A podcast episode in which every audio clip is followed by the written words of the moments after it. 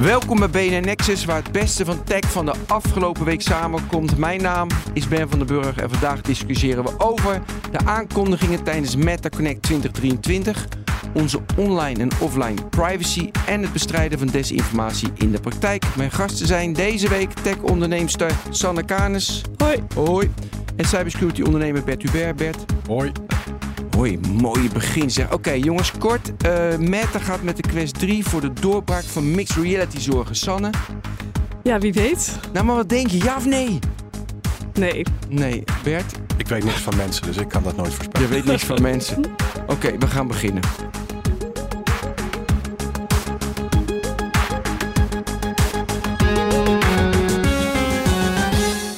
Natuurlijk mijn co-host van vandaag in BNS tech-redacteur is dat Daniel Mol. Daniel. Dag Ben. En? Nou, ik weet niet uh, hoe je met deze vraag komt. Ja, nee, niet echt. Ik weet niet, waarom is dit leuk? Ja, gast man. Ja? Ik heb Lex Friedman Jij zitten... de Lex Friedman podcast met Mark Zuckerberg geluisterd. Ja. Gekeken. Gekeken. Van, en dat zag en eruit als een... Briljant.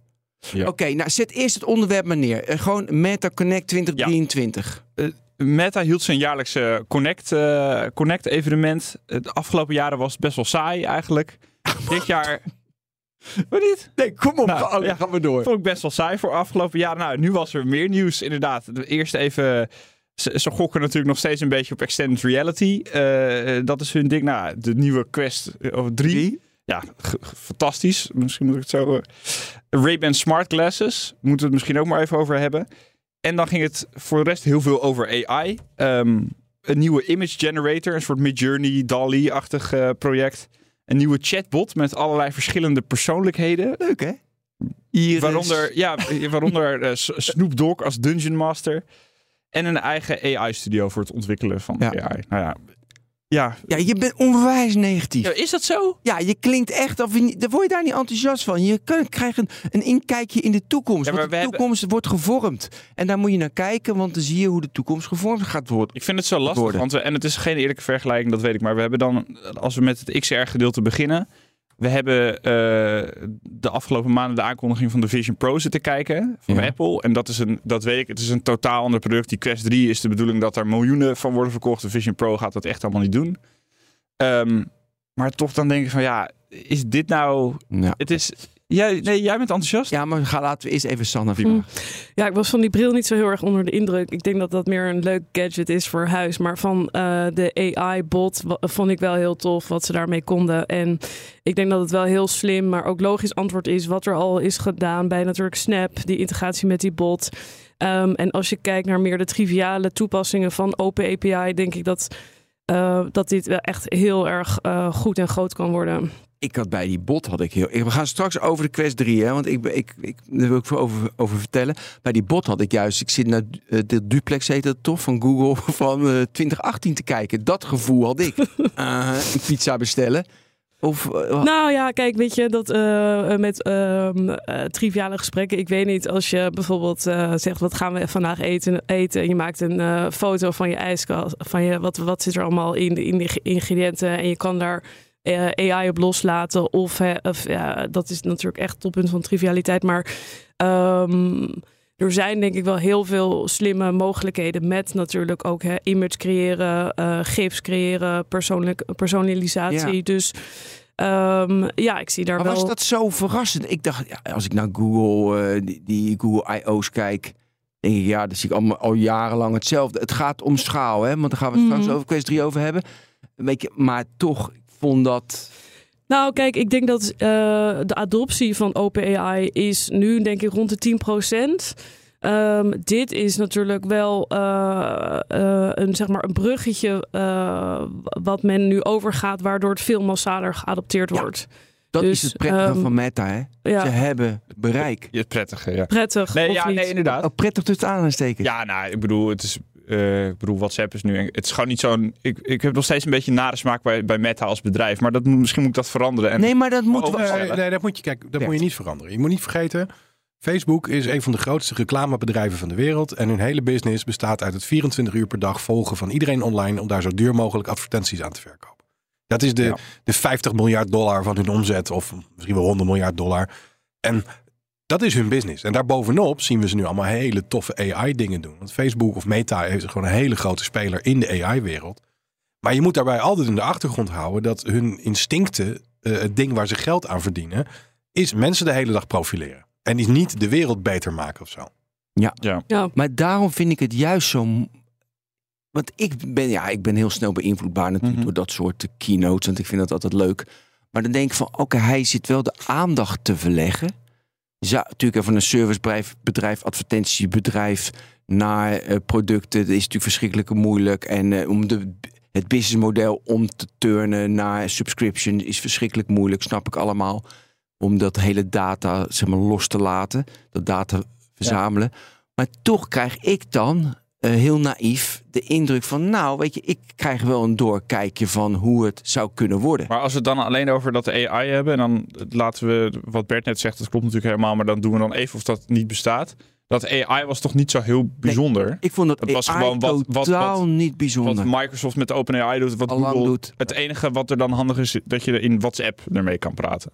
Ja, en dat, uh, dan, heb ik, dan heb ik gelijk weer wel van hoeveel macht ze hebben. Weet je, want, uh, want, want WhatsApp voor Business wordt echt veel gebruikt. Ja. Dus daardoor kunnen ze direct alle concurrentie met alles wat er dan over zijn open. Want ze zeggen, we zijn open, weet je, laat maar twee open. Mm -hmm. Kunnen erop bouwen.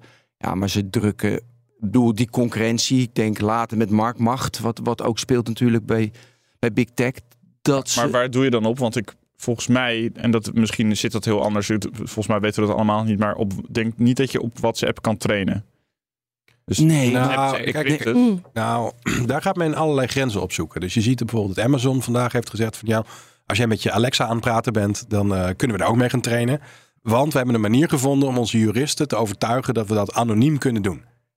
Nou, ja. Uh, op zo'nzelfde manier zit iedereen nu de grenzen op te zoeken met van wat kan ik nou doen dat ik nog wel kan trainen, maar dat ik niet onmiddellijk in de shit kom. En nou komt er een interessant puntje van wat Facebook aan het doen is. Zij zijn technologisch gezien, zijn zij de kern van wat er met al die AI-dingen gebeurt. Dus ook ChatGPT draait op PyTorch. En PyTorch is een project van Facebook. Dus zij zitten echt helemaal in het midden. En een van de hele knappe dingen van die, die Lama, uh, Lama 2, is dat ze nu veel kleinere modellen gemaakt hebben. Die het ook echt best wel op jouw telefoon kunnen doen. Uh, en daar innoveren ze heel sterk in. Dus ik zie allemaal mogelijkheden dat ze in de toekomst zeggen van ja, nee, er zit een module in je WhatsApp en die zit in jouw WhatsApp te trainen op jouw uh, ja, teksten, ja, op je gedrag. Maar en, en de, de, de parameters wat hij leert, dat draagt hij over aan het Meta-empire. Maar niet de rechtstreeks wat jij gezegd hebt. Ja. En dat soort grenzen gaan allemaal opgezocht worden. Want iedereen wil zoveel mogelijk tokens, dus kennis verzamelen. En dat Facebook nu steeds kleinere systemen gaat maken, is voor mij een hele sterke hint dat ze dat op jouw apparaat willen gaan doen. Mm. Ja, op je apparaat en ja. Decentraal. Ja, deze. ja, nee, eh, maar dat vind ik dan wel interessant, want uh, dat Lama 2 dat is open source. En dan kijk je me gelijk heel boos aan, want het is niet zo secret. Maar dat, dat vind ik dan interessant. Jij zegt ze willen van het advertentiemodel af. Nou ja, logisch dat, dat, niet dat, willen, want dat is de hele Uiteraard, dat, dat, dat loopt op zijn einde. Maar um, nee, toch interessant omdat ze hun AI-model uh, open source maken. Nou, ja. kijk, ik, waarom open source? Weet je, oké. Maar Bert, waarom? Dat doen ze naar mijn idee. Kijk, zij willen nog meer dat mensen uh, zelf uh, content maken, zelf dingen toevoegen. Ze willen zoveel mogelijk, en ze, ze willen zoveel mogelijk content hebben. Daarom denken ze, iedereen moet erop spelen, want wij zijn inderdaad dan de kern. En dan moet uiteindelijk moet het zo geloofwaardig zijn en zo behulpzaam dat je een virtuele assistent hebt, waardoor uh, ze uiteindelijk geld op een andere manier kunnen verdienen dan alleen maar jouw data. Wat ze natuurlijk hopen. Ja. Nou, wat ze nu doen, ze hebben ook eigenlijk niet zoveel andere keuze, hè? want ze moeten relevant blijven, ze moeten meedoen. En iedereen wil natuurlijk heel graag de kern worden van de AI toekomst. Ja. Nou, om dat te doen, moet je, moeten mensen wel jouw spullen gebruiken. En eigenlijk, uh, de, de manier waarop ze het nu weggeven, heeft helemaal niks met open source te maken. En dat woord gebruiken ze zelf trouwens ook niet. Uh, dus je kunt nu hun modellen gebruiken, maar daar zit een overeenkomst bij waarin staat van ja, maar ik ga nooit concurreren met Meta. En ik ga nooit een rechtszaak beginnen tegen Meta. En ik ga ook nooit iets zeggen over copyrights, over wat er uitkomt. Dus het is nogal een dwangbuisconstructie. maar wat er wel gebeurt is, iedereen gaat die spullen wel gebruiken. Althans, iedereen zonder juridische afdeling, moet ik eerlijk zeggen. Ja. Uh, want ik zou dus, als ik een groot bedrijf was en ik zou dus die overeenkomst met Meta willen accepteren, dan zouden al mijn juristen zeggen: ben je gestoord? Uh, dat, dat kan je gewoon helemaal niet doen. Maar Meta dreigt, nou, dreigt maar die, die zijn toch wel, doordat ze zoveel nu weggeven uh, in modules, ja, zijn ze wel echt relevant. Hey Bert, wie betaalt dat? Gewoon Meta zelf? Want ja, dat doen ze dus zelf. En, en je ziet ook de hoeveelheid development. De hoeveelheid development die in die AI wordt gestoken, is gewoon. Ik heb gisteren even gecheckt.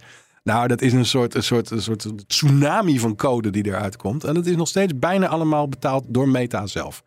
Nou, waarom, hoe kunnen ze dat nou doen? Ja, als je 50 miljard dollar aan advertenties binnenhaalt, kan je best wel 1 miljard dollar aan programmeurs uitgeven. Hoor. Maar, kan je, ja, maar dit vind ik ook mooi. Want dit is wel de toekomst vormgeven. Waarom ik zo uh, met de 2023 mooi vind. Je ziet een doorkijkje in de toekomst. En jij zegt de baas, inderdaad, de DNA is heel erg negatief. Maar toch, als ik zo Mark Zuckerberg, want ik wil toch even naar de Quest 3, naar Lex Friedman, wil ik toch even naartoe. Uh, er moet iedereen kijken trouwens, want ik was onder de indruk. Ja, Daniel niet, ik wel. Uh, en, dus je ziet een stukje van de toekomst. En ja, ik, ik denk dat hij, hoe hij zich ontwikkelt als leider, denk ik van ja, mooi. Hij is een van de weinige leiders nog van die oude die allemaal begonnen zijn. En die probeert ja. het wel vorm te geven. Hij zegt niet, iemand anders moet het maar doen. Nee. Ja. nee je ziet de AI ontwikkelt zichzelf in een fantastisch tempo. Dus zelfs als je een half jaar geleden uh, had gekeken en je vergelijkt het met nu, dan zie je de, de, innovatie. Ik heb dat nog nooit gezien. Ik heb op geen enkele vorm van technologie gezien. Nee. Die zo snel ontwikkelt, zo snel verandert. En um, ik heb hele nare gevoelens over, over Facebook en over Mark Suk. Maar wat er hier gebeurt, ja, de toekomst wordt hier onder onze ogen uitgevonden. Ja, nou, en dan wil ik even wat dus een beetje beschrijven. Uh, ze hebben urenlang zelfs, 3D-model van het hoofd van Lex Friedman en van Mark Zuckerberg en ook van andere mensen, urenlang 3D. En ze zitten dus uh, honderden kilometer van elkaar af. Virtual reality bril op, de Quest 3. En dan praten ze met elkaar alsof het echt is. En ja, het is indrukwekkend hoe de mimiek is. En dus echt alsof je bij elkaar bent. En de toekomst is natuurlijk even met een telefoon, drie minuten uh, een beetje om je heen. En dan is het ook goed. Zo bijzonder zeg je, is dat niet? Want je ziet nu natuurlijk allemaal, weet je, iedereen uh, trainde vorige week met dat, uh, met dat Gen, hoe heet dat? Hey Gen. Iedereen mm. was dat. En het is wel leuk, ik heb met Hey Gen heb ik heel serieus met een high definition camera monologen gehouden, loopjes gehouden om mezelf te trainen.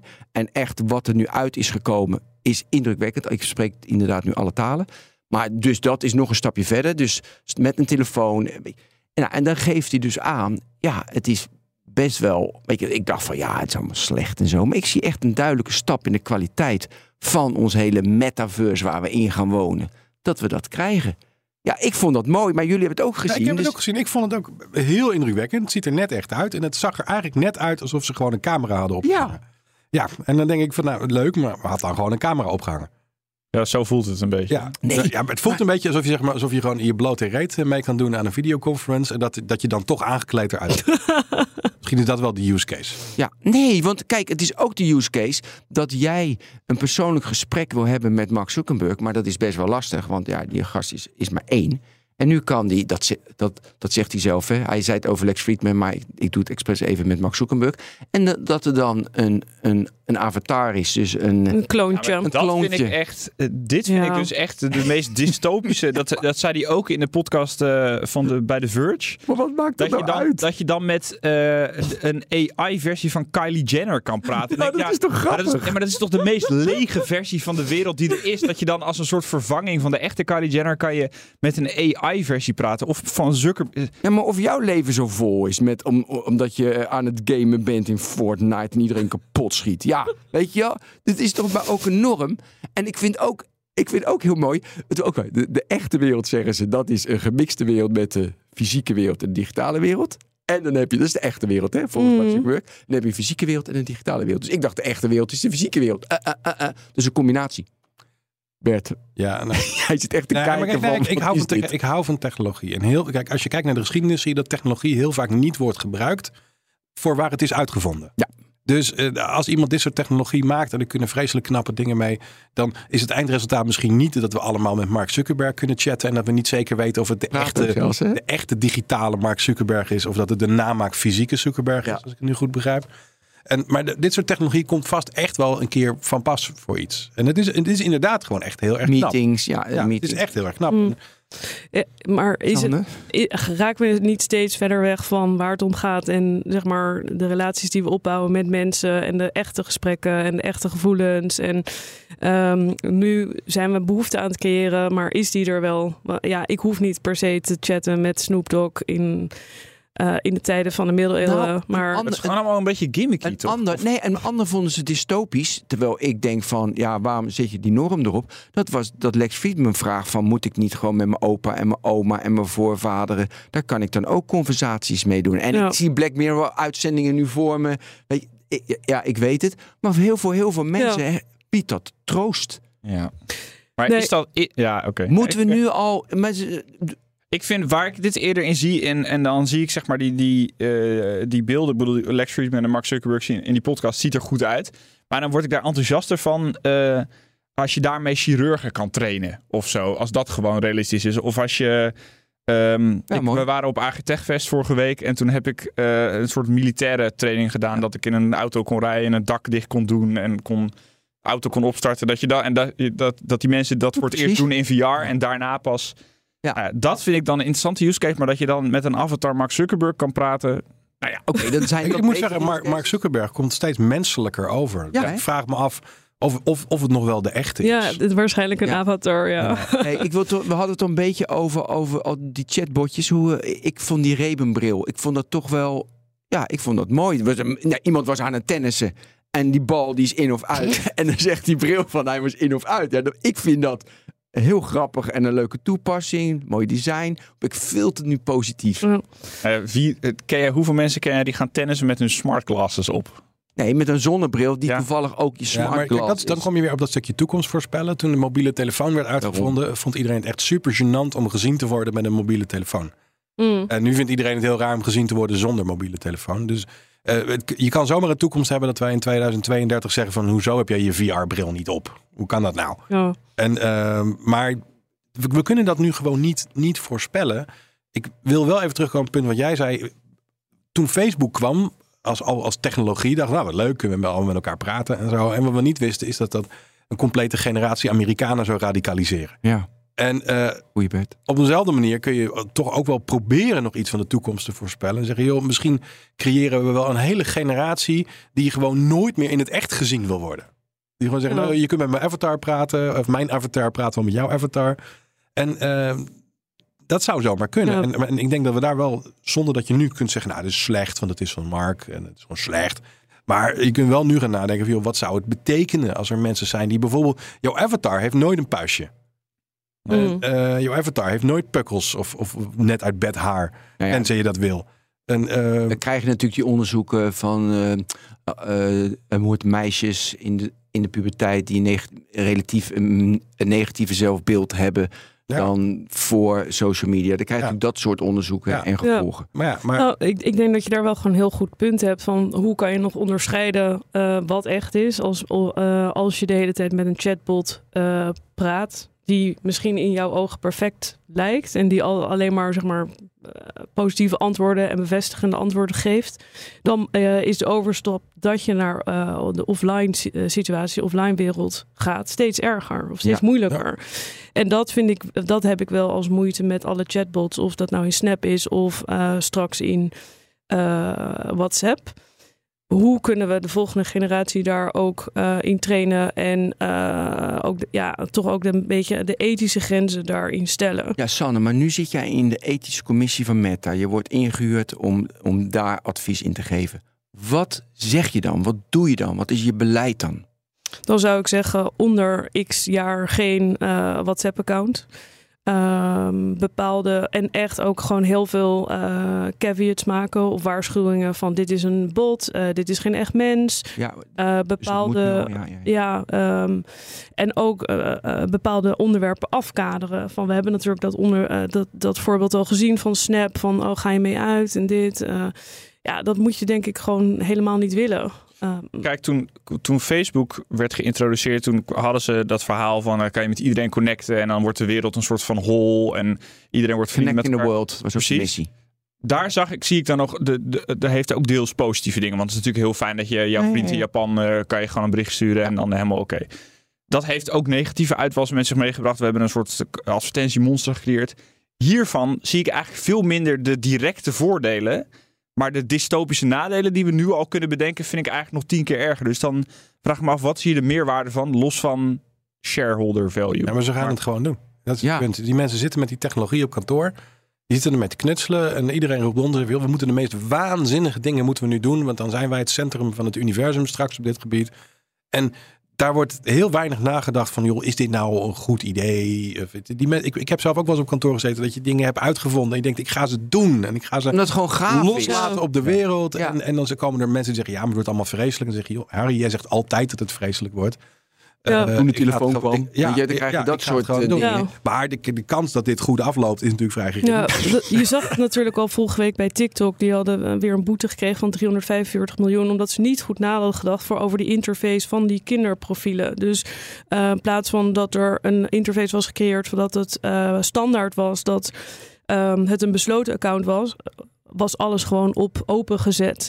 Ja, en dat is dan, oh, foutje bedankt. Of um, we will ask forgiveness rather than permission. Maar het is, uh, ja, uh, er zijn wel gewoon heel veel miljoenen kinderen exposed dan, zonder dat ze het zelf doorhebben. Ja.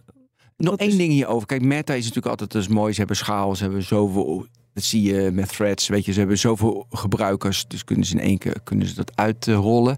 Uh, ik vond het wel mooi dat de Quest 2 20 miljoen verkochte headsets had en de Pro was minder. En nu willen ze met de drie weer tientallen miljoenen. Ze denken dat dat lukt. 500 dollar vind ik toch veel. En dan hebben je een, een PlayStation 5 voor. Maar goed, weet je, ze kunnen schaal maken. Eigenlijk, Sanne, wat je zegt, moet je Weet je, dat dystopische hou je in de hand door het alleen maar voor business users te doen. Door alleen maar inderdaad voor de, voor de brandweermannen, Daniel, wat je zei. Toch? Ja. Dus als we minder schaal hebben, is het ook minder gevaarlijk. Ja, maar dan vindt ook niemand het interessant bij Meta. Nee, dat is dus het probleem. Meta moet, moet een aandeelprijs van 300, 300 eh, dollar per aandeel, zeg maar. Ja, uh... nee, kijk, kijk. Apple heeft al een business als zij uh, eh, 5 miljoen Vision Apple is een heel ander bedrijf. Nee, wacht even. Daar hebben, ze al, daar hebben ze al gewoon een business. Weet je, dan hebben ze gewoon een leuke unit, Vision Pro's, 5 miljoen, 10 miljoen is prima. Want die hebben met dat headset, dat is, daar zit al zoveel marge op. Want ze kunnen heel veel spullen gebruiken uit andere producten die ze hebben. Top. Je ziet nu, nu brengt uh, Meta, heel ander bedrijf, advertenties. Ze brengen in zeven jaar zes headsets uit. Ja? Dus bijna zoals een telefoon ieder jaar een update. Ieder jaar een update. Mhm. Dus even nu meedenken, uh, zeg maar strategisch. Zou je kunnen redeneren van... hey, ze gaan die Quest 3, moet voor groot publiek, daar moeten games in. Maar die Pro zou makkelijk kunnen zeggen van... hé, hey, we hebben voldoende als dat er maar 5 miljoen zijn voor minder... waardoor we toch een aardige business hebben. De Vision Pro bedoel je? Uh, nee, de, de Pro, Quest de Pro. Quest Pro. Okay, ja. Dus ik zit even te probeer ik te verzinnen van hoe ze wel van die advertenties af kunnen, toch meer naar producten kunnen. Ja, ik probeer het ook maar nou, te ik denk dat het echt wel best wel een niche product is. Ik denk dat de toekomst veel meer is uh, in de verschuiving hoe uh, WeChat en ja, uh, Tencent dat heeft aangepakt, toch? Van ja. alles kopen alles en gewoon zo die afhankelijkheid vergroten van je WhatsApp, dingen bestellen, e-commerce. van ze klopt. daar gaat het denk ik naartoe. Een andere richting in te gaan. ik zie toch alleen maar, ik zie zeg maar veel negatieve uitkomsten en dan van al die technologieën die we nu hebben opgenoemd, zijn er dus ook heel veel positieve dingen. Alleen die doet Meta dus niet echt. Nou, laat ik dan een leuke voorspelling wagen. Uh, en dan gaan we door. Dat is de nou, laatste voorspelling. Facebook, bouw, Meta blijft allemaal hele mooie technologieën bouwen. Hele knappe technologieën. Ik wil niet zeggen goede technologieën. Ah. Maar gewoon ze bouwen gewoon heel veel op. Uiteindelijk gaan ze er helemaal geen succes mee hebben. Maar de dingen die zij gemaakt hebben, zijn dan inmiddels onderdeel geworden van het AI-kanon. En iedereen weet dan hoe dat moet. En daarop zal uiteindelijk wel een toekomst gebouwd worden, maar niet door Meta. Oké. Oké voorspelling staat. En we gaan nu naar het volgende, want dat is een heel mooi onderwerp, de privacy onderwerp. Bert, jij had een fantastisch stuk. Iedereen moet lezen op jouw persoonlijke website uh, over privacy. Uh, moet wel even in de microfoon praten, Ben. Ja, doe ik nu. Uh, fantastisch stuk. Daniel, jij gaat het nog inleiden of gaan we Nee, nee, laat, ik laat Bert maar een soort korte inleiding doen en dan gaan we het helemaal kapot schieten. Ja. Nou, ehm, je kan hem vinden op mijn website berthub.eu. Ik zou het even linken in de show notes. Ja. En, um, maar de, essentie, de essentie is, uh, we hebben allemaal zo'n gevoel dat privacy is goed en privacy schending is slecht. En grote databanken zijn slecht en allerlei andere dingen. En tegelijkertijd handelen we daar niet meer naar. Dus we zetten alles online. Uh, iedere keer zeg je, je moet even oké klikken dat we alles naar de cloud gaan kopiëren. Ja, gaan we doen. Um, dus vroeger hadden we zoiets van, nou, is allemaal heel erg uh, privacy. En dat kwam uit een herinnering van de Tweede Wereldoorlog. Dat er mensen werden opgepakt omdat ze in hun database netjes hun religie hadden ingevuld. En daarvan hebben we overgehouden van, joh, databanken zijn slecht. En in de jaren 80 en de jaren 90, bijvoorbeeld invoering van de BSN. Uh, toen het SOFI-nummer was extreem controversieel. Het feit dat je een nummer zou krijgen van de overheid. En toen heeft de overheid ook gezegd van ja, maar we gaan, gaan niet met dat nummer je hele leven aan elkaar knopen of zo. Dat gaan we niet doen.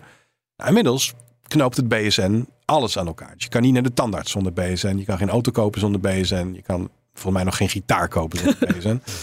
En, um, en toen ben ik toch een keer gaan nadenken van joh, als we dat allemaal niet meer zo eng vinden, die privacy. Um, want en, en een, een, hele generatie groeit nu ook op die je ziet, ik vind het allemaal prima. Ik heb altijd al mijn gegevens gedeeld met, met iedereen. En ik ben nog nooit opgepakt en naar een concentratiekamp gestuurd. En ik ken ook niemand die dat gebeurd is. Mm En toen ben ik toch een keer gaan nadenken van, joh, wat, waarom zou je nou nog eigenlijk om je privacy geven? Als het zo'n abstract gebeuren is. Ja. Antwoorden, antwoorden. Waarom werd? Nou, komt ie. Um, doordat ons hele leven nu wordt vastgelegd. Dus ik ben hier met mijn auto heen gereden. Mijn auto, weet ik, heeft bijgehouden hoe ik gereden heb, hoe hard ik heb gereden. Mijn telefoon heeft non-stop aan Google en Apple doorgegeven waar ik was. Um, mijn hele leven, ons hele leven wordt gelogd. Ja. En um, dat gaat inmiddels al. Het betalingsverkeer wordt centraal gemeld. Iedere medische handeling wordt bij de, de, de, de facturatieclub neergelegd.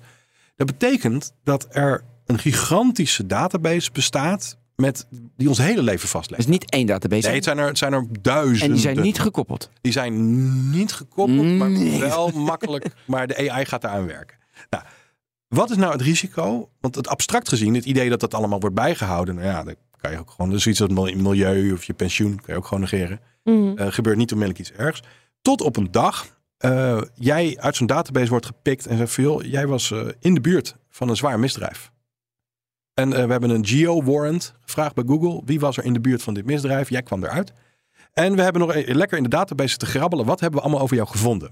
Wacht even. En als die warrant er is, dus ik ben in de buurt, eh, zeg maar even actueel, Rotterdam, schietpartij ja. gisteren. En je was daar in de buurt. Het is wel even leuk om een real ja. case ja, te nou, doen. Dan krijg je dus inderdaad een reëel gezegd, joh, wie was er allemaal in de buurt? En dan hebben we deze locatie. En dan komen dan eerst wel duizend mensen uit ja. die daar in de buurt waren. En vervolgens roept men nog wat andere databases. Van iemand met wie er bij de politie misschien een keer een klacht is ingediend. Maar dan mogen ze direct, als ze zeggen van oké, Ben was daar. Dan mogen ze dus direct mijn bankgegevens, mijn uh, aantal bekeuringen, dan mogen ze gelijk... Het bouwt op, het bouwt op. Dus je begint met één dingetje van iemand. Van, ja, we, denken, ja, weten vrij zeker dat hij hier in de buurt was. En dat was een zeer strafbaar feit. Dan kan je meer databases gaan raadplegen. Dus dan kan je ook zeggen, joh, ik wil het bankverkeer erbij hebben van Ben. Hoe snel gaat dat dan? Nou, je hebt de praktijk en de theorie. Uh, als er heel grote druk op staat, dan kunnen dingen ineens heel snel. Uh, maar het heeft ook een hele lange adem. Dus er zijn ook zaken die misschien wel een jaar geleden geweest zijn. Uh, die nu toch ineens heel veel aandacht krijgen. En dan ga je nou, toch meer in hm. databases grabbelen van wat kan ik nou allemaal vinden. Maar even terug naar ja. een klein beetje terug naar de kern van mijn verhaal. Mijn angst is nu dat er zoveel data over mensen beschikbaar is dat ook mensen die er helemaal niks mee te maken hebben, door stom toeval op het verkeerde moment in de buurt waren van het Erasmus MC. precies, daar hebben we het nu over. En, en, de, en als dan bijvoorbeeld zegt van ja, we hebben ook nog een foto gevonden die je gemaakt hebt. En uh, je buren hebben een keertje over je geklaagd, over je feestje en andere dingen. voor je het weet heb jij ehm, twintig dingen die je moet kunnen weerleggen. Want je was op de juiste plek. Je hebt geld overgemaakt naar een bekende crimineel. Dat wist je niet, maar dat was gewoon op marktplaats. En uh, in DNA hebben we ook een match op je familie gevonden. Uh, maar dat kwam dan uit een genealogische databank. Nou, en voor je het weet heb je twintig dingen die je moet weerleggen. En mijn angst is nu dat we zoveel data aan het verzamelen zijn. dat je binnenkort dat niet meer.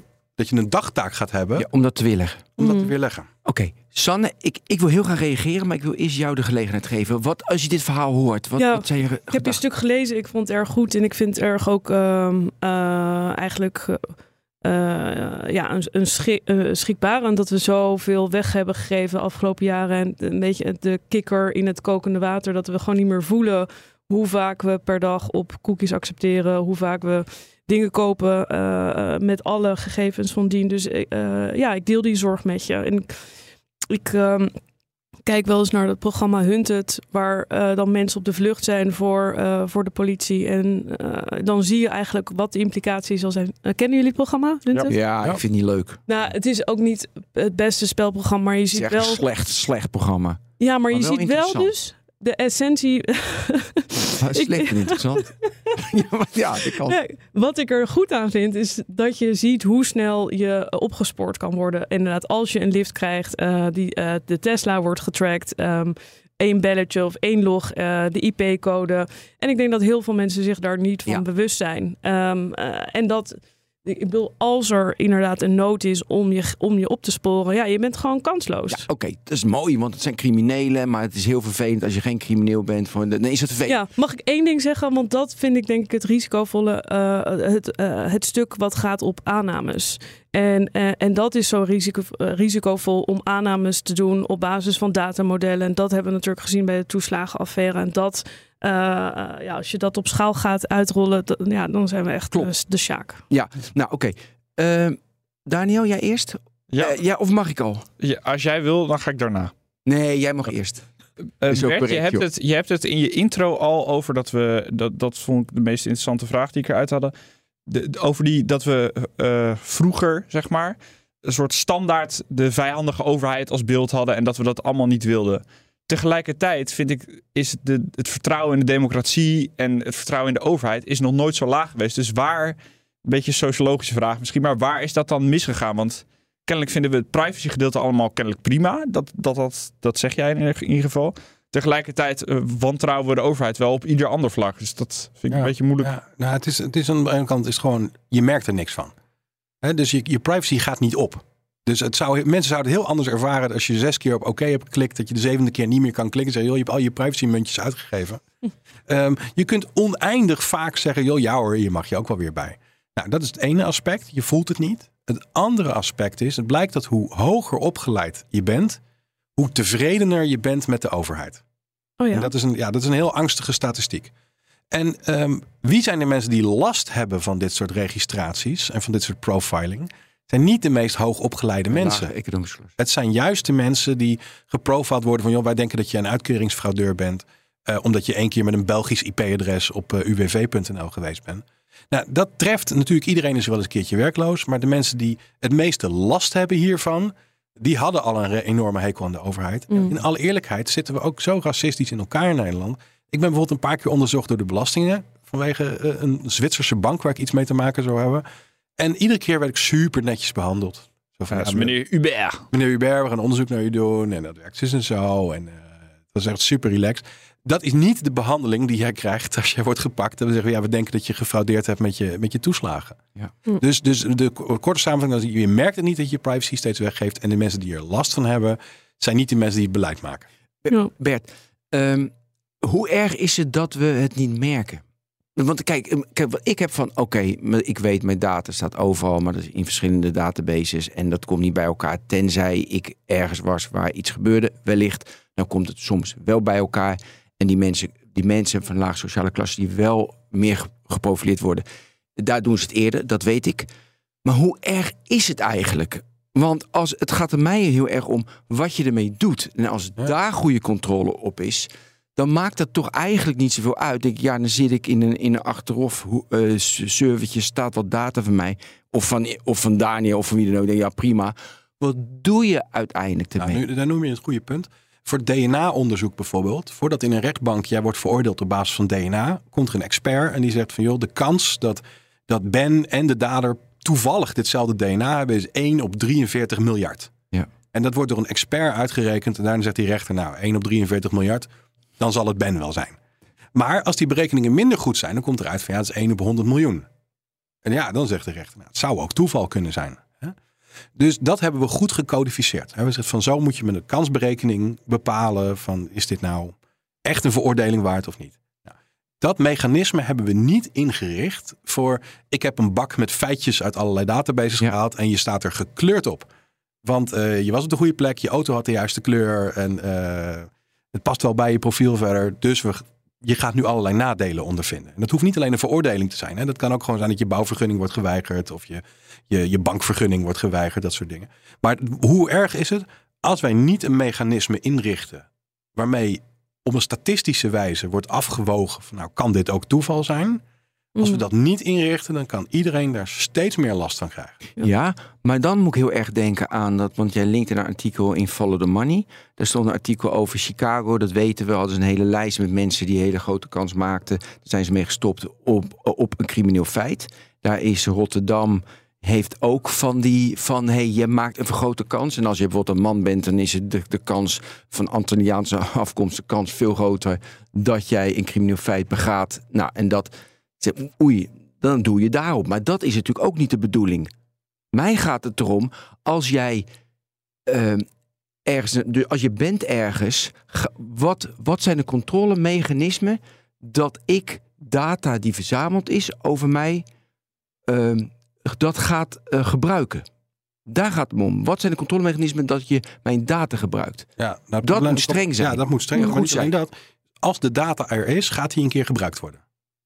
Ja, Dat, dat zo ik- simpel is het. Dat vind ik dus de hele tijd de vraag waar ik zelf een beetje mee zit te doen. Moeten we het niet meer gebruiken of moeten we het niet meer verzamelen? Dat is een beetje de... Ja, maar niet meer verzamelen kan niet meer. Dat is Jawel, te laat. dat, kan, dat kan echt wel. Oh, Het- Kijk, nu we is het, doen en daarna het doen is, we... het- je kan nog steeds een apparaat maken en je zegt van joh, waarom slaat deze auto iedere beweging op? Waarom doet hij dat? En Ja. als je geen goed antwoord erop hebt, moet je zeggen, nou laten we dat maar niet doen dan. En je hebt wel gelijk, op dit moment is de, het instinct van iedereen is maximale, dat noemen we stasi-logging. Die zeggen maximale logging van alles. Hoe vaak doe je de deur open en dicht en eh, wat doe je allemaal in die auto? En dat moet echt ophouden, want iedereen is nu nodeloos. Dat is met name nodeloos. Want stel je voor dat je zegt van ik wil mijn auto verbeteren. En om de auto te verbeteren heb ik wat Ja. statistieken nodig over hoe mensen de auto gebruiken. Dus dat, dat kan ik heel goed voorstellen. Wat blijkt nou? Dat kan je ook bereiken door 1 op de 100 keren iets te monitoren. Want je hebt namelijk, je hebt namelijk 100.000 van die auto's verkocht. Je hoeft echt niet iedere keer dat iemand de deur open doet bij te houden hoe laat het was. Ja. Ja. Je, je kan best bijhouden. Zeggen van nou, we hebben 1 op de 100 auto's, loggen we dat af en toe. Maar het zijn nooit steeds dezelfde auto's. Maar we willen gewoon statistisch die antwoorden hebben. En in plaats daarvan loggen we nu permanent alles. Ja, maar goed, dan zeggen, ik zit nu wat in mijn hoofd oppopt is AVG, maar ze zeggen dat is allemaal encrypt. Je- Je kan het niet herleiden. Uiteindelijk kan je natuurlijk alles herleiden. Weet je, de, de, ja, je moet dus het gewoon niet doen. dat- Je moet het gewoon aan het begin gaan zeggen. Oké, dus het eerste. Dus niet doen. Ja, nou, eh, jij, jij zei net, Ben, van ja, maar we koppelen die data niet. Maar dat kan natuurlijk heel snel wel gebeuren, ja, nee, toch? precies, Want eh, ook als je kijkt naar natuurlijk de honger van eh, Big Tech. Ik, ik, ik kan me echt prima voorstellen dat we over een jaar of twee jaar allemaal een Amazon gezondheidsverzekering hebben. Die gekoppeld is met data aan wat jij bestelt bij Whole Foods of een andere supermarkt. En eh, die toch gaat zeggen, nou eh, mevrouw Kanis, u heeft wel heel veel wijn eh, voor dit weekend ingeslagen. Moeten we daar niet iets doen met uw gezondheidsverzekering? Het, ja, dit is een Ja, extreem voorbeeld, maar dat is... Dit is helemaal geen extreem. voor. Ik was de, eerder deze week een bijeenkomst van Philips. En ik schrok me helemaal rot. Zat een vent van Philips uit te leggen van... joh, dit onze nieuwe generatie tandenborstels... gaat al je tandenboetsgedrag in de cloud stoppen. En dan gaven ze zelfs enthousiast als voorbeeld... en dan kunnen we dat gewoon direct doorspelen naar je verzekeringsmaatschappij. En die kan dan bepalen wat voor een premie jij moet geven... moet betalen afhankelijk van hoe je je tanden poetst. En wij zaten met z'n allen in de zaal te klap in luisteren. de zaal? Nee, wij zaten met z'n allen in die zaal Ja. te kijken van wat dit? zegt die man van Philips nou? Eh, maar hij was er gewoon geen schrijntje. eh, het was geen, nee, die vent was gewoon echt heel enthousiast. Ja, de, my worst Oké, nightmare. maar dat is dus eerst dus minder verzamelen. Dus hele tijd van wat is het doel, waarom je het verzamelt, hoeveel verzamel je dan en heb je echt alles nodig of minder. Maar het volgende is, Daniel, wat jij zei, van hé, hey, je, hebt het, je hebt data, wanneer gebruik je het? En hoe gebruik je het en hoe controleer Wat zijn de je? checks en Wat balances zijn de voor checks een en overheid, balances? voor een bedrijf? Ja, nou ja, en volgens mij bij de, weet je, Bert, jij zat in zo'n toetsingscommissie. En dat ging naar mijn idee best wel goed. En dat moet je voor mij breder uitrollen. Ja, en dat ben ik helemaal voor. En ik vond het een superleuke toetsingscommissie. Maar eh, de, de politie bijvoorbeeld heeft dit veel minder. Dus die kunnen, die kunnen allemaal dingen vorderen. Bedrijven kunnen ook allemaal dingen geven. Bedrijven weten vaak ook niet dat ze sommige dingen helemaal niet hoeven geven. Bijvoorbeeld. Ja. En ehm, dus, dus daar zou een veel. Er is op dit moment ook geen algemene wet of zo. Dus er zijn wel specifieke wetten voor telefoongegevens bijvoorbeeld. Zijn speciale wetten. Maar, precies niet gecombineerd. Nee, er is, geen en ja. er is geen algemene wet die zegt van joh, onder deze omstandigheden mag de informatie wel opgevraagd worden en onder deze omstandigheden niet. Eh, en dat wordt dus ook niet gewogen. En ook de combinatie van al die dingen, dat iemand die gaat sprokkelen. Die zegt, nou, ik heb in 23 databases gekeken en ik heb nu eindelijk voldoende slecht nieuws over Ben gevonden. Nou, dat mechanisme moet je niet hebben. Heel snel te vinden. Dat moet je, dat soort die dynamiek moet je moet Mm. bijvoorbeeld zeggen, joh, je hebt in zes databases gezocht, nou moet je ophouden. Ja. Want nu ben je gewoon aan het, aan het grabbelen in de grabbelton of je nog iets kan vinden. Nu zijn er weer allemaal eh, politici en juristen die denken... mooi, we kunnen weer aan de slag. We kunnen weer in een commissie en we kunnen dit ook weer verzinnen. Oké, Bert, bedankt. We gaan naar het laatste onderwerp. Ja, Nee, ja? Of Ja, heb jij nog ja, iets? nee, ik wilde eigenlijk nog een soort van eh, conclusie? hoopvol einde. Nee, is Kunnen er we niet. een oplossing Nee, formuleren? Is nee, er is er niet. binnenkort... Ja, minder data hebben we en er moet een commissie komen. ja, maar dat, gaat, als dat je- gaat dus niet stoppen. Nee, maar goed, we, zijn, bedoel, niks stopt. Nou, als, je, als je als één concreet, in- ding, als je één concreet ding zou willen hebben, zou je zeggen, joh, er moet een wet komen die beschrijft dat als je steeds maar data gaat grabbelen, dat er een statistische analyse moet komen. Of jij Hm. gewoon net zo lang hebt zitten grabbelen totdat je voldoende slecht nieuws had. Of dat iemand daadwerkelijk heel duidelijk in beeld is als een verdachte van iets. Eh, Twitter. Eh, X, eh, meeste, ja, het gaat over desinformatie. De DSA, eindelijk is er... Nou, dat rapport was gaaf. X heeft de meeste desinformatie. Wist jij dat, Daniel? Eh, nou, eh, ik wist het niet, maar het verbaasde me ook niet. Als je door je timeline scrolt, denk je... Ja. "Mwah." Ja, precies. Wat is er ja. gebeurd? Maar goed, eh, dat bleek inderdaad uit de meest recente rapporten, volgens mij, die in de context niet van de DSA, maar van de Code of Practice on Disinformation uitkomen vanuit Europa. Dat is die vrijwillige gedragscode waar iedereen zo'n beetje aan meedoet, behalve Elon Musk, die is eruit gestapt. Tuurlijk. Ehm, eh, op de tweede plaats van dit lijstje eindigt Facebook. Nou, vond ik ook niet, eh, vond ik ook niet schrikken of zo. Ehm, en dit alles is dus wel extra interessant, want je noemde het al, de DSA. Eh, dit was een vrijwillige code waar je een beetje Ja, je gedrag goed, aan kon passen. En dit is de voorloper. onder de DSA kan je tot 6% van je omzet Ja. als boete krijgen. Nou, vond het best interessant. Maar ja, Dus de vraag is, gaat Elon Musk er nu iets aan doen? Dat hij bang wordt van, hé, hey, ik kom het als slechtste uit. 40% is desinformatie op mijn platform. En straks kan ik een boete krijgen van 6%. Wat gaan we doen? Of denkt hij van, ik zie het allemaal tegemoet. Ik heb goede juristen. En ik ga er vol voor, want we moeten zo open mogelijk met elkaar kunnen praten. Sanne. Ja, ik denk dat eh, het instellen van geverifieerde accounts zeker wel gaat helpen. Dan is het denk ik minder eh trollgevoelig. Ehm, ik denk dat Elon er weer een nieuw businessmodel op gaat plakken. eh, of die geverifieerde accounts omhoog gaat zetten. eh, en op de andere manier toch wel die gebruikers ehm, eh, aantallen omhoog gaat sturen. Ehm, ja. Je, je, je- gaat iets doen of niet, denk je? ja, zeker. ja, Ja, ik vind dat absoluut. het verhaal van die geverifieerde accounts vind ik niet zo heel sterk eigenlijk. Want dat is gewoon... Hij kiest ervoor om gewoon een, een extra verdienmodel... en dan gewoon iedereen die 8 euro Twitter Blue op te leggen... Eh, en dan, dat moet dan desinformatie gaan verslaan. Ik denk niet dat dat het, dat, dat het gaat oplossen. Ehm, Trouwens, hebben, En jullie- hebben jullie nog even naar Linda Jaccarino ge- gekeken? Ja, het is een ander onderwerp, maar het is wel Nee, heel maar dan moet je, nee, waarom? Nee, waarom dat wel belangrijk is, is je, nee, dat gaat over Elon Musk. Dat gaat Ja, over. Je moet even uitleggen, dat is dus de directeur van Twitter, Ja, de CEO Ja, van van Twitter. Van X. En die was op een conferentie. Ja. En toen werd haar gevraagd van, eh, joh, wat, wat vind je ervan dat alles, eh, dat hij nu betaald wil? Nou, en zij, weet je, Mm. Alle users moeten Alle betalen users moeten om X te gebruiken. En toen zei zij van... Ja. Eigenlijk... Ja, ze had er niet echt een antwoord op. En Nee. toen zei ze, kan je de vraag herhalen? En toen vroeg ze nog een keer, wat vind je ervan als eh, alle X-users moeten betalen? En toen zei ze van, heeft Elon dat gezegd? Of heeft hij dat, zeg maar, is, heeft hij daaraan gedacht? ja. En Maar je ziet dat dat daar echt alle kanten. Het is weer een voorbeeld Ja. dat alle kanten op gaat. Maar goed, de kern is dus inderdaad. eh, dan voorkom je dan wel of niet desinformatie. Gaan mensen betalen. Bert, die desinformatie, wat moeten we daar nou mee in onze wereld? Nou, het is wel heel zwaar, want eh, dat onderzoek bleek dus uit. Dat ze hebben wat, wat onderwerpen bedacht. En dan zijn ze op die onderwerpen gaan kijken van, kan je daar op, op X of Twitter iets over vinden? Of op Facebook of op al die andere dingen. En, eh, en er bleek dus dat meer dan 40% van de keren dat je iets vindt op X over specifieke onderwerpen, is het misinformatie of desinformatie. Dat hebben ze nog vrij strak gedefinieerd. Dus dat gaat voorbij mensen die gewoon slordig zijn. Eh, Dat zijn mensen die echt proberen actief verkeerde informatie te verspreiden. En ik, ik probeerde me een keer voor te stellen van, stel je voor je komt in een nieuw onderwerp waar je nog niet zoveel van af weet. En je denkt, nou ik wil eens weten hoe dat zit. En dan krijg je allemaal verschillende informatie online. En hoe herken je nou de goede informatie? Nou, als 80% van de informatie eh, redelijk is en 20% is gek, dan kom je vanzelf al uit van, nou die 80% zal het wel zijn. Maar op het moment dat dus meer dan 40% van de dingen die je vindt onzin is, dan is er een hele goede kans dat zelfs mensen met de beste bedoelingen wegkomen met, het, met, met onzin. Ja. En ehm, nou, dat idee was, Twitter was er wel het allerergste in. Uh, maar ook Facebook was afgrijzelijk. En, uh, en YouTube, gek genoeg, uh, heeft kennelijk.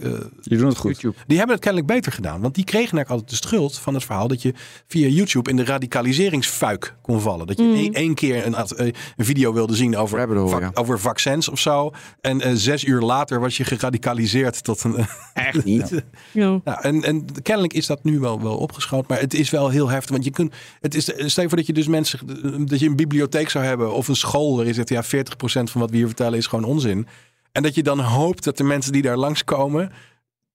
de juiste informatie Ja. gaan herkennen. Ja. En het pijnlijke op X vind ik dus ook nog dat, dat het hele verificatiemechanisme, dat je gewoon, je kan 8 euro betalen per maand en dan ben je een blauw vinkje en dan kom je dus ook overal zeg maar bovenaan. En dan kan je dus desinformatie eh, verspreiden. Dus dan ben je eigenlijk net zo legitiem als de rest. Ja, maar dat ik is- heb wel hele goede hoop straks met die DSA. Dan moet hij eraan voldoen in Europa. Dus dat, gaat, dat kan niet anders. Hij heeft al die moderators eruit Maar bovendien, de invloed van Twitter in de echte wereld. Ja, ik, blijf, is- ik zeg dat bijna niks. iedere opname Ja, die we hebben. Maar is niks. wij, wij, in, wij als mediamensen focussen daar enorm op. De andere mensen zitten niet. Die zitten op Instagram. Ja, maar ik wil nog wel even deze. Er moet toch wel. Dat vind ik hele moeilijk hoor. Maar er moet toch ook ruimte zijn voor mensen die, die rare dingen willen zeggen. Of rare dingen willen doen. Op internet. Sterker nog, Mm. dat is ontzettend belangrijk voor je toekomst. Juist. Dus dat we niet zeggen van, joh, deze is één mening en dit is de mening. Ja. Maar je moet wel opletten dat het niet zo is dat de meerderheid, dat de meerderheid radicaal raar is. En een onderzoek is toch echt wel de moeite van het lezen waard. Niet alleen beschreven hoe is er hoeveel informatie is er onjuist, maar ook nog hoeveel van de mensen die informatie verspreiden zijn onjuist. En dan blijkt dat het 0,8% van de, van de gebruikers verspreidt desinformatie. Maar toch kunnen we niet vergeten wat de impact is op verkiezingen, toch? En ik bedoel, we hebben al gezien in Filipijnen en natuurlijk Cambridge Analytica referendum, eh, alles. Dus ik vind dat wel belangrijk dat we dat wel toevoegen aan deze discussie en daar ook wel gewoon Ja. ehm, serieus nog eh, mee omgaan. Of we geverifieerde accounts hebben of niet, weet je wel, er, er is altijd wel een weg. En ik denk zeker in combinatie met Open API is het natuurlijk wel echt heel gevaarlijk als, eh, als China besluit om eh en masse dit in, in te zetten als wapen. En dat is gewoon een wapen. Ja, dan zijn we toch wel echt eh heb je fucked als het Westen. Dus ik heb nu DSA, denk ik, mooi, weet je. Dus ze moeten nu snel, moeten ze daar ook op gaan handhaven, acteren. Toch? Ja, maar Dus dat, is het dus het hoop. probleem met desinformatie. Ik heb een tijdje bij eh, een club ingewerkt die echt heel erg actief is met pre-banking. Dus eh, te zorgen dat je eigenlijk kinderen al en eh, volwassenen ook eh, inent tegen eh, eh, informatie. Des- eh, desinformatie, dus misinformatie is be- eh, bewust verspreiden, maar desinformatie echt op schaal vers- verspreiden. Maar het gevaar is met eh, desinformatie, als je het eenmaal gelezen hebt, dan ga je het al geloven. Dus je kan, ehm, eh, dan is de schade al gedaan. Dus je moet echt bezig met dat pre-banken. En dat is zo gevaarlijk aan alle informatie die op Facebook staat, op Twitter, et cetera. Je hebt het al onbewust tot je genomen. En of dat is ehm, eh, ja, een politieke statement of inderdaad over vaccins. onbewust neem je dat altijd mee. Dus ja, het, Ja, is, dat is- nog schadelijk. En zel, dus ook nog eh, nu de DSA er is, dat, dat lost het probleem niet op. Mm, Als je het toch heel goed handhaaft, dan staat letterlijk in je moet wel. Ja, e- eens. Ja. Maar als, ehm, als er blijkt dat, eh, en nogmaals het voorbeeld van China, als er toch eh, geïnstrueerd wordt dat de hele bevolking één of twee minimaal posts per dag gaat plaatsen. Eh, ergens op een forum, dat wordt gelezen en eh, de DSA wordt gehandhaafd drie tot zes maanden later. Ja, dan Wij krijgen in Nederland ook verkiezingen. Zouden dan de politici, omdat er zoveel desinformatie is, 40% op, eh, op X, Twitter zeggen wij, op Twitter, dat ze ook politici van Twitter af moeten? Zou dat Nou, dan om het goede dat, voorbeeld te geven? De kans, denk ik, echt wel. De intenties van Nederlandse politici, met uitzonderingen van een paar usual suspects, die zijn niet zo dusdanig dat, er, dat ik denk ik eh, echt en masse eh, miljoenen verkeerde. Nee, geen verkeerde tweets. dingen, maar da- doordat zij erop zitten, zijn natuurlijk meer mensen. hey, ik, wil, eh, ik wil de VVD volgen Ja, op ja klopt wel. X. Ja, Twitter. maar ik weet niet. Ik vind misschien dan Nederland niet eens het meest relevante Nee. voorbeeld. Want Nederland betekent misschien dan niet zo heel veel.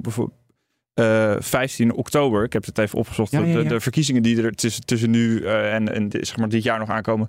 15 oktober gaat Polen naar de stembus. Nou, als je dan een land Ja. neemt waar desinformatie zeg maar een belangrijke rol speelt en waar het echt een strijd is tussen, nou ja, laat ik maar zeggen, goed en kwaad. Mm. Gewoon democratie Nee, en... maar je kijk, kijk Twitter is eh, voornamelijk populair bij politici en journalisten. Weet je, du- nou, maar stel je voor dat die zeggen van, joh, ik laat het een beetje links liggen. Dan wordt het platform direct minder boeiend en Zo, interessant ah, voor zo. heel veel mensen. Ja, ja. Dat bedoelde ik. Ja, maar dan, kijk, dan heb je Instagram en TikTok en andere plekken. Ja, dat is waar. Kijk, wat wel... wel Maar die, maar wil- die modereren beter, hè? Ja, maar ik wil, ik Ja. wil wel even een klein beetje positief nieuws noemen.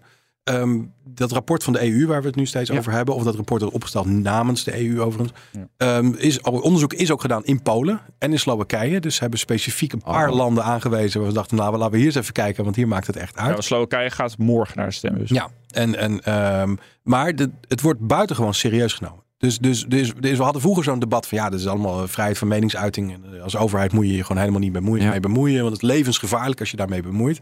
En inmiddels denk ik dat we gezien hebben, het is levensgevaarlijk als je je er niet mee bemoeit. Eh, dus in zoverre ben ik wel blij dat het echt op de radar staat. En dat het, dat het iets is waar men zich verantwoordelijk voor voelt. En dus dit soort onderzoeken naar doet. Top. Mag ik nog heel even één... en- heel kort. Ja, ik, ja, oh god, we zijn er zo over tijd. Eh, wat is, en dat is misschien, een- misschien overvragen jullie allemaal hoor, maar wat Echt is precies de grens waar er onder de DSA gehandhaafd gaat worden? Is er een soort van meetbaar, Ja, je moet echt een bepaalde omvang hebben voordat je in beeld komt. ja, de- uiteraard, maar, Ehm, maar eh, is het bij zoveel procent desinformatie krijg je zoveel boete? Is dat, nee, nee, het is niet op die manier eh, gedefinieerd. Nee, ze moeten gewoon laten zien van jij, vers- dus jij laat desinformatie toe. Weet je wel? Mhm. En dat is op zo'n zo'n schaal van, eh, ja, desinformatie is iedereen mee eens. En dan huppakee in één keer 6%. Zoals ik het heb gelezen. nee, tot 6%. Tot 6%. Ja goed, oké, dat moet, moeten we dus nog maar eens induiken. Dat is dus ook wel weer interessant. Ja, die DSA, jongen, en die DMAP. Het is zoveel. Het is, is allemaal zoveel. En we doen geen oog meer dicht, maar gelukkig zijn we er volgende week weer. Jongens, dit was BNN Nexus. Sanne bedankt, Bert bedankt, Daniel bedankt. Moet jij Ben zeggen. bedankt. Ja, nou, heel- heel weinig geslapen. Heel weinig geslapen, jongen. Jullie maakten me helemaal gek vannacht. Maar goed, Eh, dit was het voor vandaag. Volgende week zijn we weer terug met een nieuwe Nexus. Ondertussen luister je natuurlijk naar de andere Tech Podcast.